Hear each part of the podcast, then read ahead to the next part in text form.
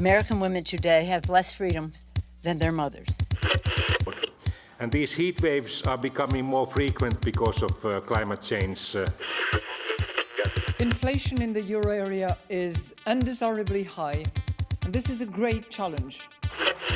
Every image is a new discovery, and each will give humanity a view of the universe that we've never seen before. Бойовий досвід і може приєднатися до оборони України, повинен негайно прибути до відповідних центрів комплектації. We have had wars with Russia, and we don't want that kind of future for ourselves, for our children. Hasta la vista, baby.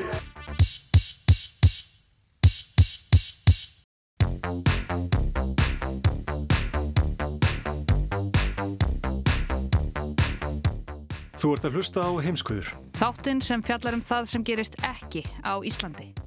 Ég heiti Sunna Valgerðardóttir. Ég heiti Bjarni Pétur Jónsson. Og ég heiti Birta Björnsdóttir. Eins og heyra má hafa orðið mannabreitingar í þættinum okkar, líkt og framkom í loka þættinum í voru er Guðmundur Björn horfinn til annara starfa. Við verðum þrjú sem sjáum þáttin í vetur og þátturum verðum á óbreyttu sniði. Við flytjum ykkur fréttaskýringar utan úr heimi. Áfangastæðinir í dag er í talsverði fjallægð. Við ætlum með ykkur til Kenya, Sáti Arabi og Bandaríkjana, en við byrjum á golvveldinu. Framtíð keppnisgolfs er í mikill óvissu eftir að ný mótaröð sem sátar fjármagna kom fram á sjónasviðið. Þeir auðsa fjö í íþróttur um allan heim og vonast til að morð og mannréttindabrót gleimist í stjörnufans og alls nektum íþróttana. Bjarni Pétur kynnti sér málið.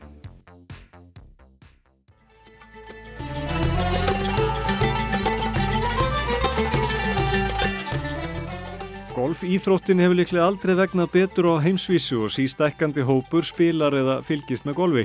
En vinsældum og vexti geta fyllt erfileikar og ásókn eikst í þau gæði sem golfið skapar. Það er ekki síst jákvæð ímynd og drenglindi sem fylgir golfinu sem að stórfyrirtæki ásælast og reyna að nýta sér við ímyndar, sköpun og sölu á varningi. Tiger Woods trónir enn á toppnum sem hæst launaði kilvingurinn þó ferli hans ljúki senn eftir að hafa gert keppnis íþróttina golfa því sem hún er í dag. Tiger er í 14. sæti á lista Forbes yfir hæst launuðu íþróttamenn heims með tæplega 70 miljónir bandarækjadala í áslun. Það er um helmingi minna en þeir sem verma toppsætin, fókbóltamennir Lionel Messi og Cristiano Ronaldo og körfubóltamadurinn LeBron James. Þrýr kilvingar komast í 50 efstu sætin á lista Forbes en þeim á ánefa eftir að fjölga hratt strax á næst ári. Það er góðæri í golfinu og peningarnir flæða um allt, peningar frá manni sem spilar ekki eins og golf og hefur lítinn eða engan áhuga á því. Þetta er Mohammed bin Salman, krónprins Sáti Arabi og er einráður en hann er sonur Sátakonungs og hefur tekið við stjórnar taumunum af föðu sínum. Það er sagt að bin Salman ráði nokkur neginn því sem hann vil ráða og gerir það sem hann vilji gera á nokkura afleðinga. Frá því hann komst til valda fyrir nokkrum árum hefur ásýnd Sáti Arabíu breyst mjög. Markmið bin Salmans var að nútíma væða landsitt svo það geti treyst á fleiri stóðir efnaðslega en oljuna. Hann setti sér metnaðarfulla stefnu sem hann hefur fyllt í kvívetna. Markmiði var að 2030 erði Sáti Arabíu áhrifa meiri í alþjóðastjórnmálum, hagkerfið, fjölbreyttara og nútímalegra og áherslutnar ekki ósveipaðar þeim sem týðkast á Vesturlöndum. Grænar, lustnir, nýsköpun og röð tæknithróun. Stemt er að líflegra samfélagi og þar er hort til ímissa fyrirmynda bæði Evrópu, Bandaríkjunum og Asíu. Og þar er líka markkópurinn því ferðarþjónustu á að verða ein af undirstöðu atvinnugreinunum og þar er líklega til mikils að vinna því Sáti Arabia sankölluð vin í eðimörkinni með endalösa möguleika ef markam á ölsingaherferðir, strendur, sól og sáti. Our planet never ceases to amaze us. Be the first to witness a land of fascinating journeys. Where in the world could this be? Saudi. Welcome to Arabia. Stemt er að því að 30 miljónir ferðamanna komið til Sáti Arabi árið 2030, rúmlega tvöfalt fleiri en nú og þeir sem vilja fá fólki heimsók þurfa að taka til, í það minnst að sópa mesta ríkinu út í hotnið undir sofa og það hefur Bin Salman gert.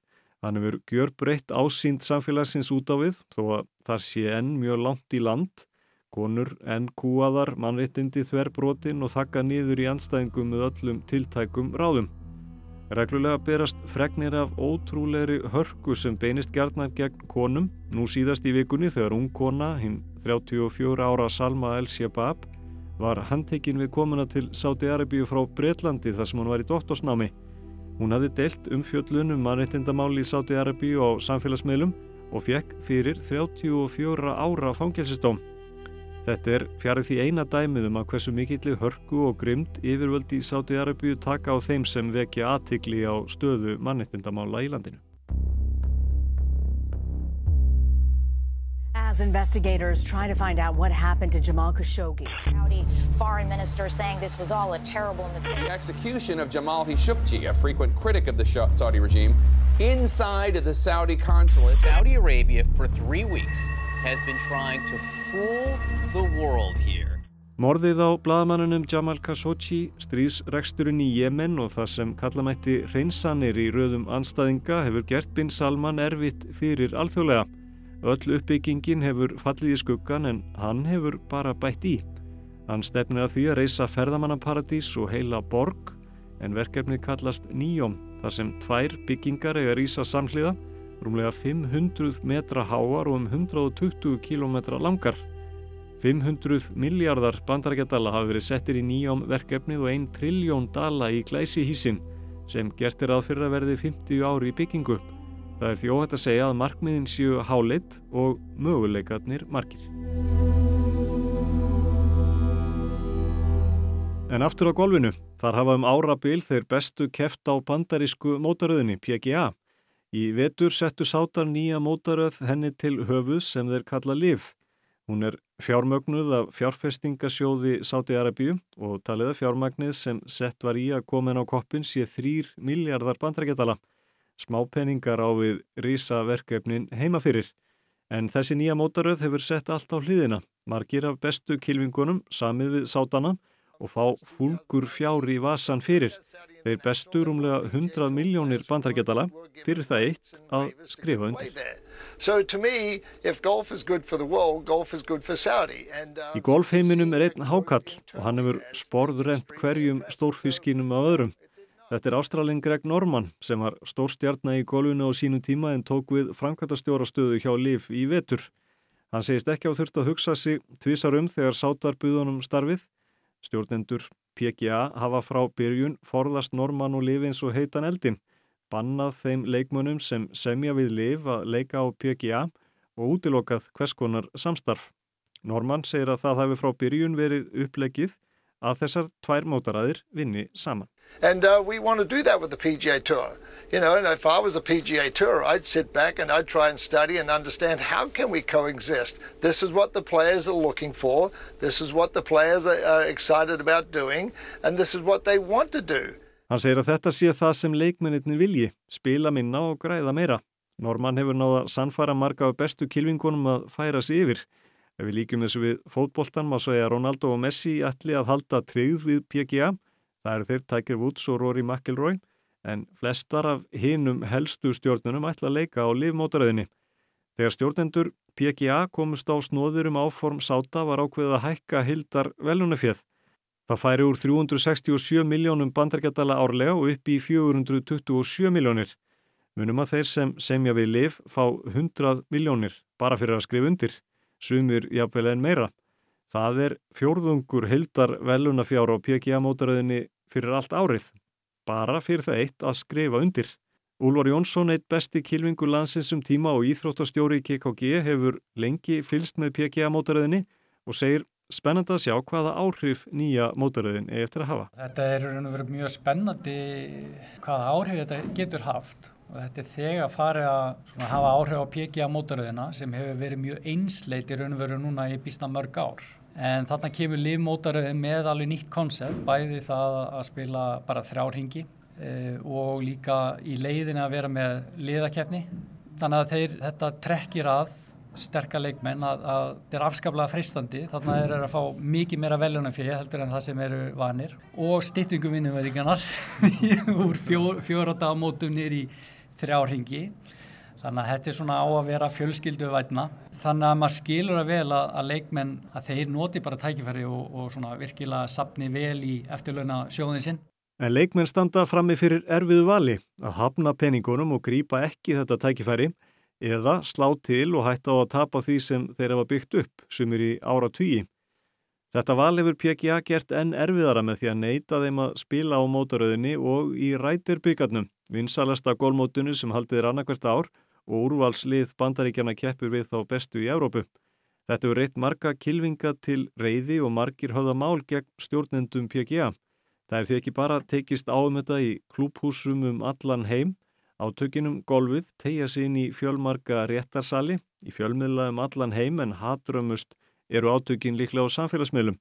Þar sem kilvingar fá að heyra það fyrir að bregðast íþróttinni og því sem hún stendur fyrir. Það er eins og með margt annað, fólk skiptist í tvo hópa og tekst ítla að finna laust. Fáir þrýfast betur í slíku umhverfi en Donald Trump fyrirverandi bandarækjafósiti en hann er mikill stuðnismæður nýju mótaraðarinnar og segir þetta það sem koma skall. Well, I've known these people for a long time in Saudi Arabia and they've been friends of mine for a long time. Uh, they've invested in many American companies. They own big percentages of many, many American companies and uh, frankly, what they're doing for golf is so great. What they're doing for the players is so great. The salaries are going to go way up. Uh, the PGA was not loved by a lot of the players, as you know, for a long time. Now they have an alternative and nobody would have ever known there was going to be a gold rush like this. Trump segist ekki vel til Sáti Araba þegar við fjárfest í fjölda bandarískra fyrirtækja með góðum árangri. Þá hafi leikmenn verið ósáttir við PGA. Núna rjúki launin upp og sankallað gullæði hafi gripið um sig. Það er ágetis lýsing hjá Trump og sást vel á þriðja liv mótinu sem var einmitt haldið á Trump Bedminster vellinum um síðustu mánaðamót en eins og nafnið gefur til kynna er hann í eigu Trumps. Hann er sannfærður um að liv taki yfir og segir að þeir kilvingar sem ætlið að halda trið við PGA eigi eftir að sjá eftir því. And you have really the best players in the world, many of the best players in the world, and soon you'll probably have all of them because remember this, if there's a merger, the people that didn't come, they will never get anything except a thank you from people that took advantage of them. Sáti Arabar og stjórnendur liv eru alls ekki renna blind í sjóin með þetta verkefni þó þeir vilji láta líta út fyrir það. Þeir keppast við að tala um frumkvöðla starfsemi og segja fyrsta árið eigi eftir að einkennast af tilrunamennsku og það er rétt að fyrstum sinn er ímislegt nýtt reynd. Keppninum er streyndi í beitni á YouTube, miðar til áhorvendur og seldir á láguverði og greitt fyrir allt sem við kemur leikmönnum og fjölskyldum þeirra. Það er þérvitt að sjá hvernig og hvaðan tekjurnar koma. En sátarnir hafa törverða reynslu á þessu sviði, þeir hafa haslað sér völl í Formule 1 kappastrinnum og talið að þangað sækiðir fyrirmyndina. Golfurunum er skipt niður í lið sem stórfyrirtæki geta síðar keift, eins og stóru bílasmiðin gera í formúlinni. Þannig megi gera úr þeim superstjórnur, selja varning og græða á tá og fingri.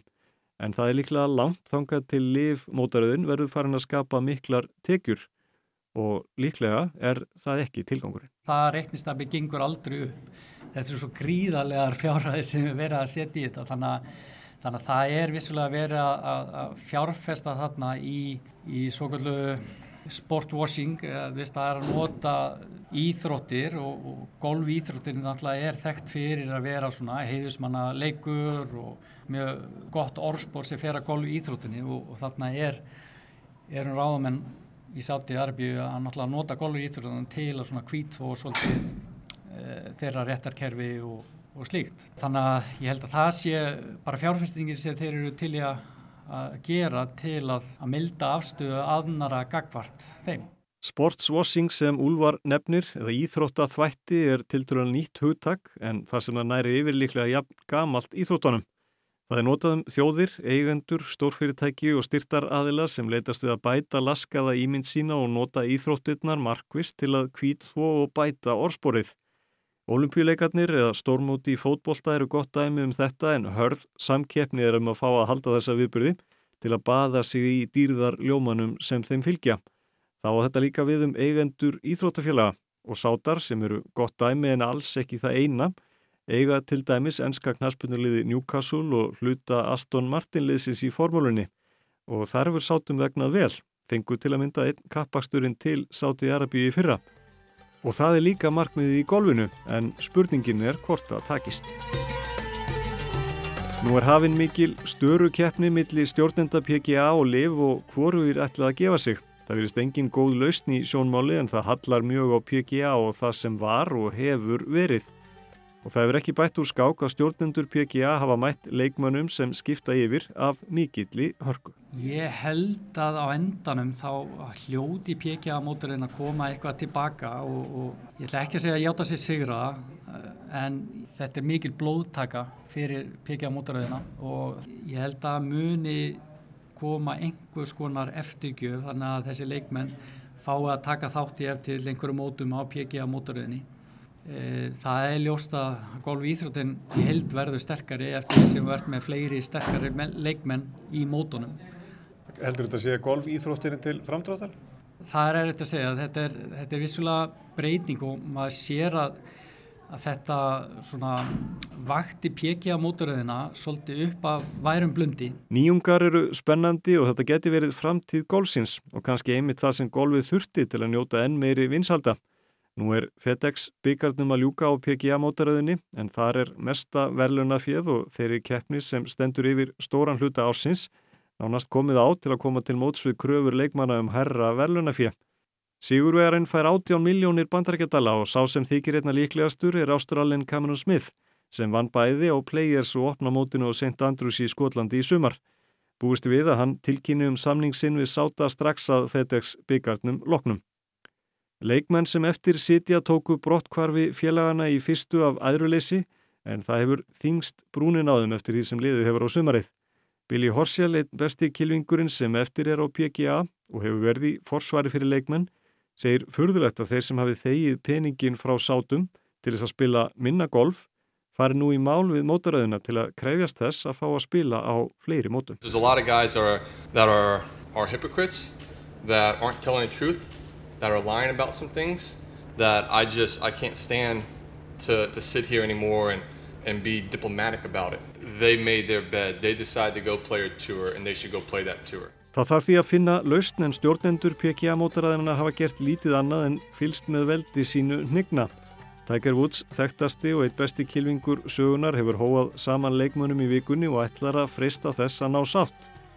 En það getur verið erfitt að finna milliveg og samningsgrundvöld þegar mikið ber í milli og markmið begja býstna skýr, heims yfir áð eða döði.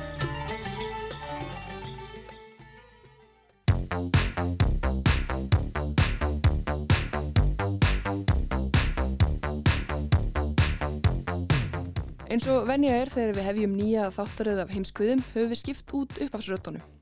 Sumar þeirra hljóma eflaust mjög kunnulega í eirum hlustenda, aðrar minna. Þetta er til dæmis Nancy Pelosi, fósiti fulltrúadeildar bandaríkjathings. American women today have less freedom than their mothers. Umalinnað sjálfsögðu um umdeildar breytingar á þungunrófslögum í bandaríkjanum. Gríðar miklar hittabilgjur skullu á söður hluta Evrópu í sumar. Alþjóða viðurfræðistofnunin hjælt bladamannafund vegna þess og greindi frá sökudólgnum. Loftslagsbreytingum væri um að kenna. And these heat waves are becoming more frequent because of uh, climate change. Uh. Þarna heyrðum við Petteri Talas, framkvæmdastjóra stofnunarinnar. Hittabilgjur hafa ekki bara verið í fréttum í sumar, verðbólka, vextir og hækkun vöruvers var það sumilegis. Inflation in the euro area is undesirably high and this is a great challenge for our monetary policy. Þetta er Kristín Lagarde, forstjóri alþjóða gjaldirisjósins. Aðrar fréttir í sumar bárust lengra að. Every image is a new discovery, and each will give humanity a view of the universe that we've never seen before. Þarna heyrðum við Bill Nockrum Nelson, forstjóra geimvísindarstofnunar bandaríkjana, NASA, sem heldur utanum James Webb, geimsjónakan. Hann er staðsettur í 1,5 miljóna kílómetra fjarlæð frá jörðu og útvegar okkur myndir af stjörnuþokum og fleiru í miljarda ljósára fjarlæð. Og svo er það þessi hér. Kosum, stómaðum бойовий досвід і може приєднатися до оборони України, повинен негайно... Volodymyr Zelenski, fórseti Úkrænu, hefur nær daglega ávarpað þjóð sína síðan þann 24. februar þegar að heri Rúslands réðust inn í landið hans. Þarna heyru við hann á innrása deginum sjálfum, hvetja alla sem geta til að výbúast og taka til varna fyrir þjóð sína. Afleðingar innrásarinnar í Úkrænu eru ótal margar eins og meðal annars kemur fram síðar í þessum þætti. Ein af afleðingunum er að aðildaríki NATO standa nú saman sem aldrei fyrr og útlitir fyrir að það fjölgi enni þeirra röðum á næstunni. We have had wars with Russia and we don't want that kind of future for ourselves, for our children. Þetta var Sanna Marin, fórsættisáþur af Finnlands, en Finnar og Svíjar eru á leið inn í Allandshafsbandalagið og sóttu saman um aðild eftir innrás rúsa. Við endum svo þessa yfirferð á hverju mannsins sem senn hættir að vera fórsættisáþur af Breitlands, Boris Johnson. Hasta la vista, baby. Thank you. Takk fyrir það Boris, en þá höldum við til Kenya. Niðurstöður nýja afstæðina fósettakostninga voru tilkynntar fyrir vikunni. Varafósetti landsins stóð uppi sem sigurveri en sá þurfti að svara til saka fyrir alþjóða sakamáladómstólnum í kjölfar kostninga árið 2007 þegar hann var sakaður um glæpi gegn mannkynni. Fráfarandi fósetti landsins stutti hins vegar mótframbjóðanda hans en sá beð nú ósigur í fymta sinn í röð í fósettakostningum í landinu. Líkt og öll hins skiptin er óvist hvort hann muni lúta niðurstöðinni. Birta tekur nú við.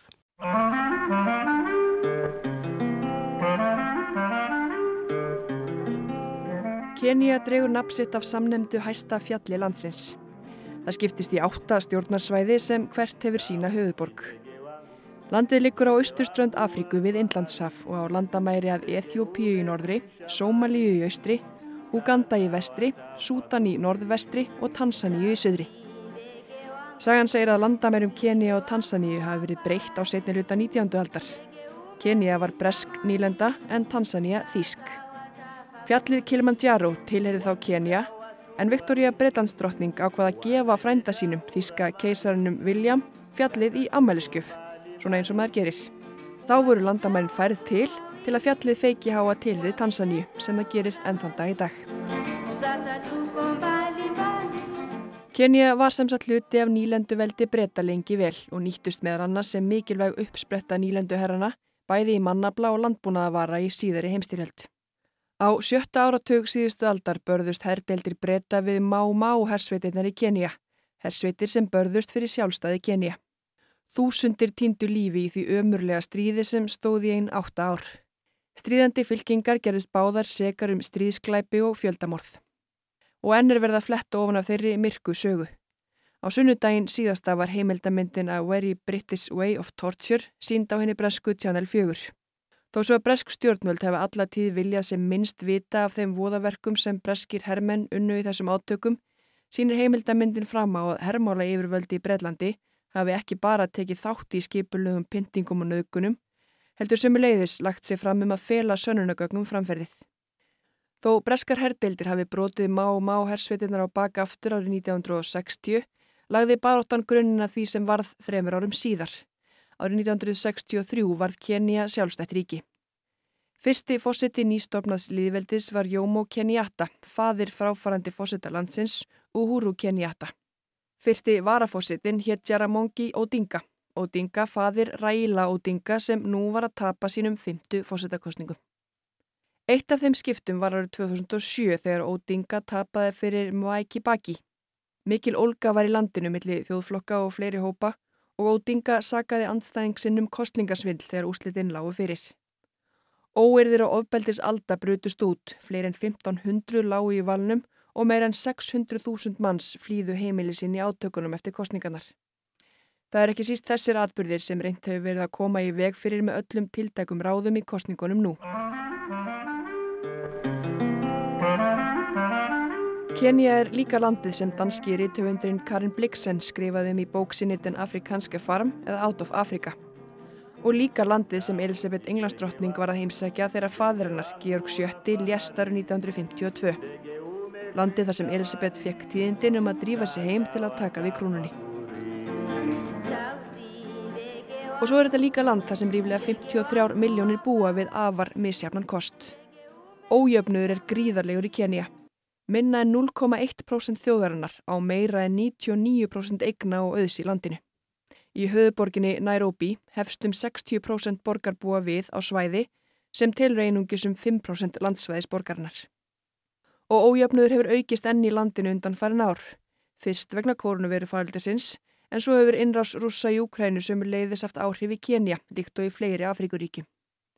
Matværaverð hefur hækkað umtalsvert sem hefur mikil áhrif á fjárhaheimilina þar eins og víðar.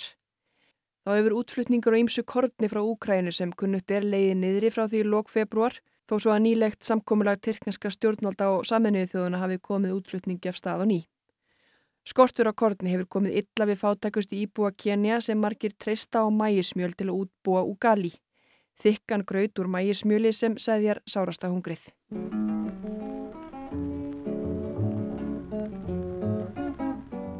Fjármálheimilin og önnur efnahagsmál og spilling eða baráttan við spillingu voru helstu kostningamáluna þessu sinni og ekki að ástæði lausu.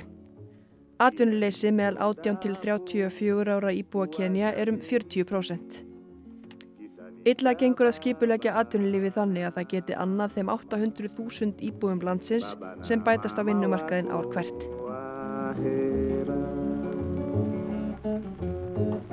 Og þann 9. ágúst var gengið til kostninga í Afrikuríkinu Kenya. Kosi var um nýjan fórsetta, neðri og efri del keníska þingsins, héraðstjóra við sverum landið auk fulltrúa á 47 héraðsting landsins. Og með fullri virðingu fyrir þeim héraðsfulltrúum sem náðu kjöri hafa öll úrslit þessara kostninga fallið í skuggana á fórsetakostningunni. Valið stóð á milli varafórseta landsins undan færið tvö kjörtímabil, William Ruto, og mót frambjóðandans Raila Odinga. Viku eftir að kjósendur í Kenya genguð að kjörborðinu var komin niðurstaði í málið og Wafula Chebukati, formaður kjörstjórnar, kynnti niðurstöðuna. Og henni var ekki tekið þegjandi.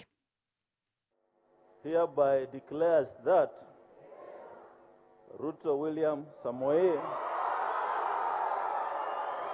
Hér gerir yfirmaður kjörstjórnar hlýja á máli sínu þegar fagniðalæti breyðast út og heldur svo áfram og les næst kennitölu fósita frambjöðandans svo það sé nú alveg örugt um hvern ræðir. of ID number 6847208 has been duly elected as the president. Sem sagt, Ruto William Samoei, William Ruto var rétt kjörinn fórseti landsins með rétt rúmum helmingi greitra atkvæða. 50,49% atkvæða eru sögð hafa fallið Ruto í skaut.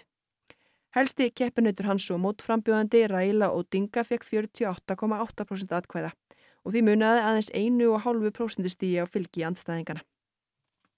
Þegar niðurstöðuna voru kunngjörðar kom til handalögumála viðstaldra og viðbröð við afar umdeldum niðurstöðunum hafa komið víða að alla vikuna. Í heimabæ Williams Ruto, Eldoret í Riftdalnum, kom fólk saman og fagnaði með söng og dansi. Aðeins annað andrumsloft var í Kisumu, heimabæ Raila og Dinga þar sem niðurstöðunum var mótmælt harðlega meðal hans með dekkjabrennu. Verðandi fósittin Ruto hvatti landsmenn alltaf til stillingar og sammenningar í þakkaræðu sinni. I want to promise all the people of Kenya, whichever way they voted, that this will be their government. Sama hvað íbúar Kenya kusu þetta verður þeirra ríkistjórn, lofaði verðandi fósittin. En áður lengrar haldiði verðt að staldra aðeins við og kynnast helstu personum og leiköndu. Þó en í þá sögu flettist margir standaðir tveir í stafni í þessum pólitíska styr, nýkjörinn fósittin William Ruto og Raila Odinga.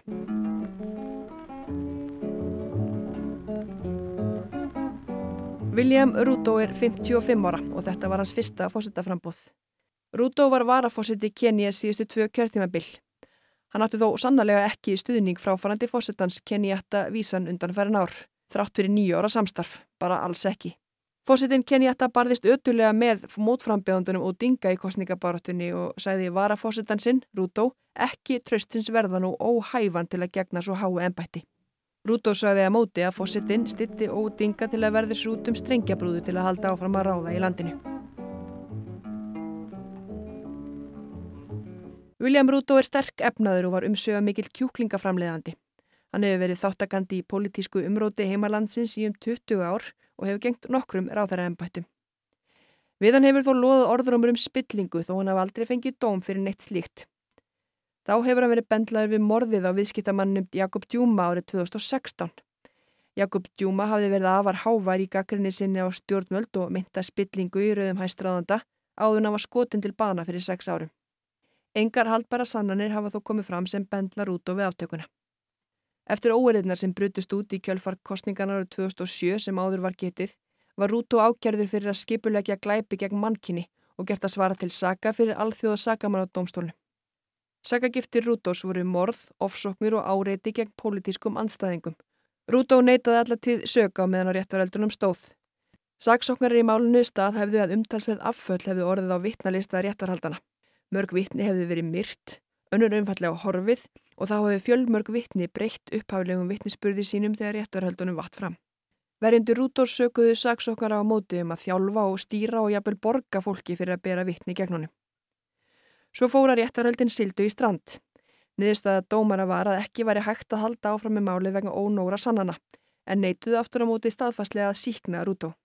Réttaröldin töldust ómerk og einn dómarna létt hafa eftir sér að ástæðan hefði meðal annars verið óviðingandi afskipti að vittnum í málunu og óþórandi tilröðinni til pólitískra afskipta og áhrifa á gang málsins.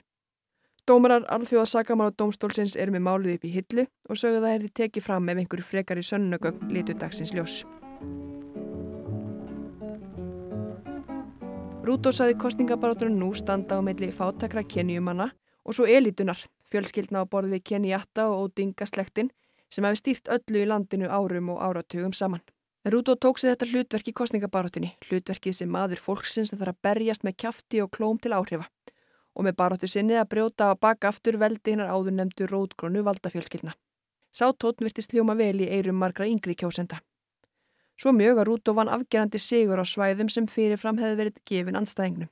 Hann var óspara á að benda á það og meðan hann hefði sjálfur auðgast með því að selja kjúklinga og byrjaði á því í sárri fátækt, væri Odinga fætur með silfuskeið í munni, verandi sónur fyrsta varafósetta Kenya.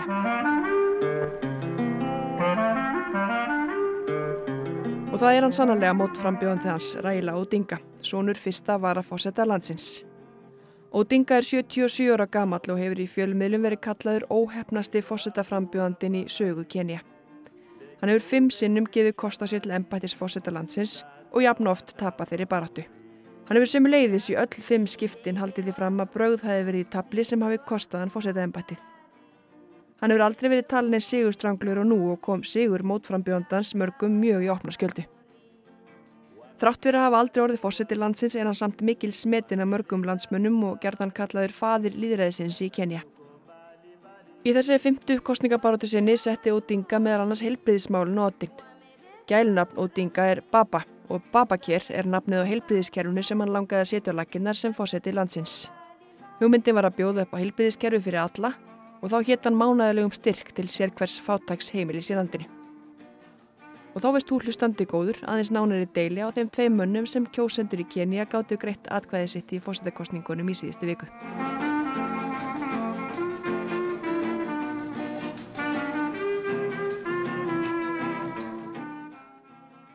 Og þá veist þú hlustandi góður aðeins nánari deili á þeim tveimur mönnum sem kjósendur í Kenya gáttu að þessu sinni greitt atkvæði sitt í fósettakostningunum.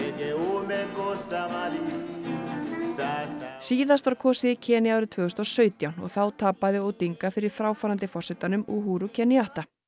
Þá, eins og nú, stað hefði Odinga brauð hefði verið í tabli. Hæstiréttur Kenya lagði við lustir, ógildi kjör Kenyatta og gaf grænt ljósa og þá erið kosið á nýjanleik. Þeim skrýpaleg saðist Odinga þó ekki vilja taka þátti og sniðgekk sittni kostningarnar og náði þá eðli málsins samkvæmt ekki kjöri. Það kemur þá kannski einhvern spánst fyrir sjónin að Kenyatta hafi stutt Odinga til fórsetakjörs núna, svona með að við hvernig eftirleikurinn var þegar þeir buðu sér fram á móti ykkur öðrum hann að 2017. Þeir grófu samsagt stríðsöksuna ári síðar árið 2018 mjög tákgrænt með handabandi sem átti að tákna saminningu ólíka þjóðflokka. Þeir ætluði að taka höndum saman, bókstaflega, til að samina sundraða þjóð og ætluði að ganga fram með góðu fordæmi. Viðbröð fráfarandi fórsendars og þess sem tapaði kostningunum nú, fórspæðunum hann frá 2018, skipta eflust talsverðið máli núna líka. Hvernig ætlaði það að tala til stuðnisfólksins ís núna? Ætlaði það að tala einlefni saminningar, þó svo að maðurinn sem þið vildu kvorur verði fórseti.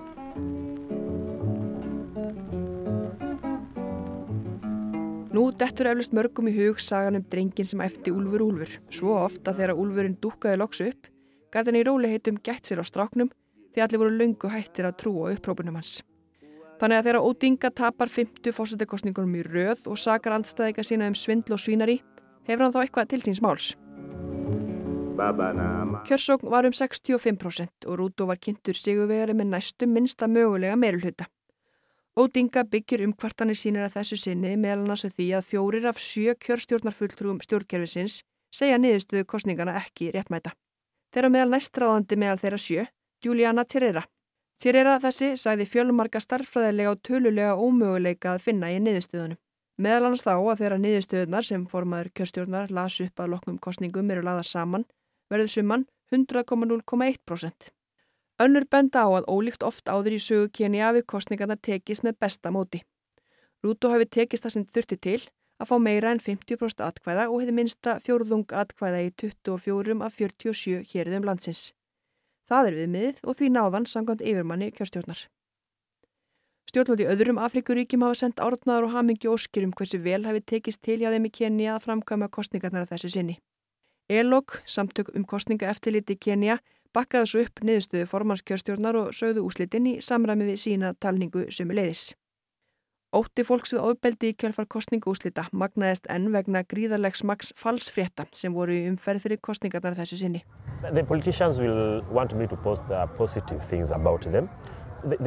Þetta er Innocent Onyango. Hann er áhrifavaldur sem þúsundir kjósenda í Kenya fylgja á samfélagsmiðlum. Hann sagði þessu viðtali að í aðdraganda kostningana hefði frambjöðandur gertna vilja borgonu fyrir að segja jákvæða hluti um sig og stundum líka að dreifa rættnum orðrómu um anstæðingin. Það byrt hann á samfélagsmiðlunum sínum þó hann hafi vitað í raun að sögurna væri ekki sannleikanum samkvæmar. Sometimes I can decide to spread rumors about uh, the opponent uh, candidate. I do. I can post fake, fake, uh, fake news and I know it's fake, it's not true. Tess Vandi er einn þeirra sem rannsakað hefur áhrif falsfrétta í Kenya. Hún segir að vegna sögu um ofbeldi í kjölfar kostninga í landinu sé magn falsfrétta sérstatt áhyggjöfni. We can see how false information can also contribute to violence because um, the spread of uh, things that are not true could make people act in ways that are very emotional, very damaging because false information makes us, it riles up our emotions. Útbreðsla falsara staðhæfinga geti æst upp tilfinningar fólks. Áhrifavaldurinn Innocent Onyango segist frá samviskubit öðru hverju yfir vísvitandi dreifingu falsfrétta. En hann fái vel greitt fyrir þetta, okkur hætti hann að slá hendina á móti peningum. Part of it, I do feel guilty at sometimes it's money that you are looking for. So if you can give me that amount of money to spread that fake news, then why, why shouldn't I? Hvort falsfréttir í dreifingu áhrifavaldi hafi haft áhrif á niðurstöðuna er kannski erfitt að meta. En hvað gerist svo næst? Það veltur svolítið á því hvort Ódinga ákveður aftur að fara með úslitt fórstakostninga í landinu fyrir domstóla. Hann hefur viku til þess frá því að úslitinu voru lesin upp og sá frestur hennir þjút á mánudag. Kæri að niðurstöðuna hafa domstólar tvær vikur til að ákveða hvað skuli taka til braðs. Svo ákveður myndi líka tefja það að Rúdó sem mörg telja réttkjörin fórsetalandsins taki formlega við ennbættinu. Og það geti líka kynnt undir óróa í samfélaginu sem flestir vilja í lengstu lög forðast miða við söguna. Það er allavega ljóst að hinn mjög svo jöfnu úslitt og viðbröðum við þeim eru byrtingamind fremur klófins samfélags. Og það gerir líka ólík afstæða formanna kjörstjórna til úslitana sem hluti þeirra neytar að kvitta upp á. Ef Rúdó sver embættis eðin á næstu dögum býður hans ærið verkefni að samina sundraða þjóð. Það getur hann meðal annars gert með því að velja rétti í ríkistjórn sína. Að það séu fulltrúar úr flestum ef ekki öllum stærstu þjóðflokkum sem í landinu búa. Ódinga tilherir sjálfur Lúó þjóðflokknum en sáflokkur hefur ekki enn átt fulltrúa í embætti fósetta landsins. Skilgreining eftir þjóðflokkum er rótgróin í Kenya og spilir oft stóra og bísna mikilvæga rullu í keniskum stjórnmálum. Stefni Rúto að einingu, eins og hann bóðaði reyndar sjálfur í þakkaræðu sinni, verður hann að skipta völdunum í ríkistjórn sinni jamt á milli fólks úr ímsum þjóðflokkum.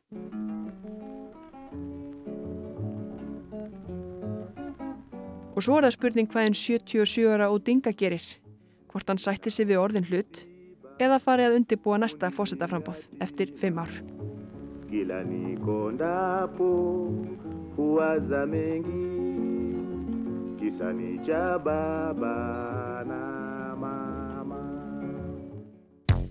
Þetta verða loka orðin í heimskviðum þessa vikuna. Við verðum hér aftur næsta lögardag á sama tíma. Takk fyrir að hlusta.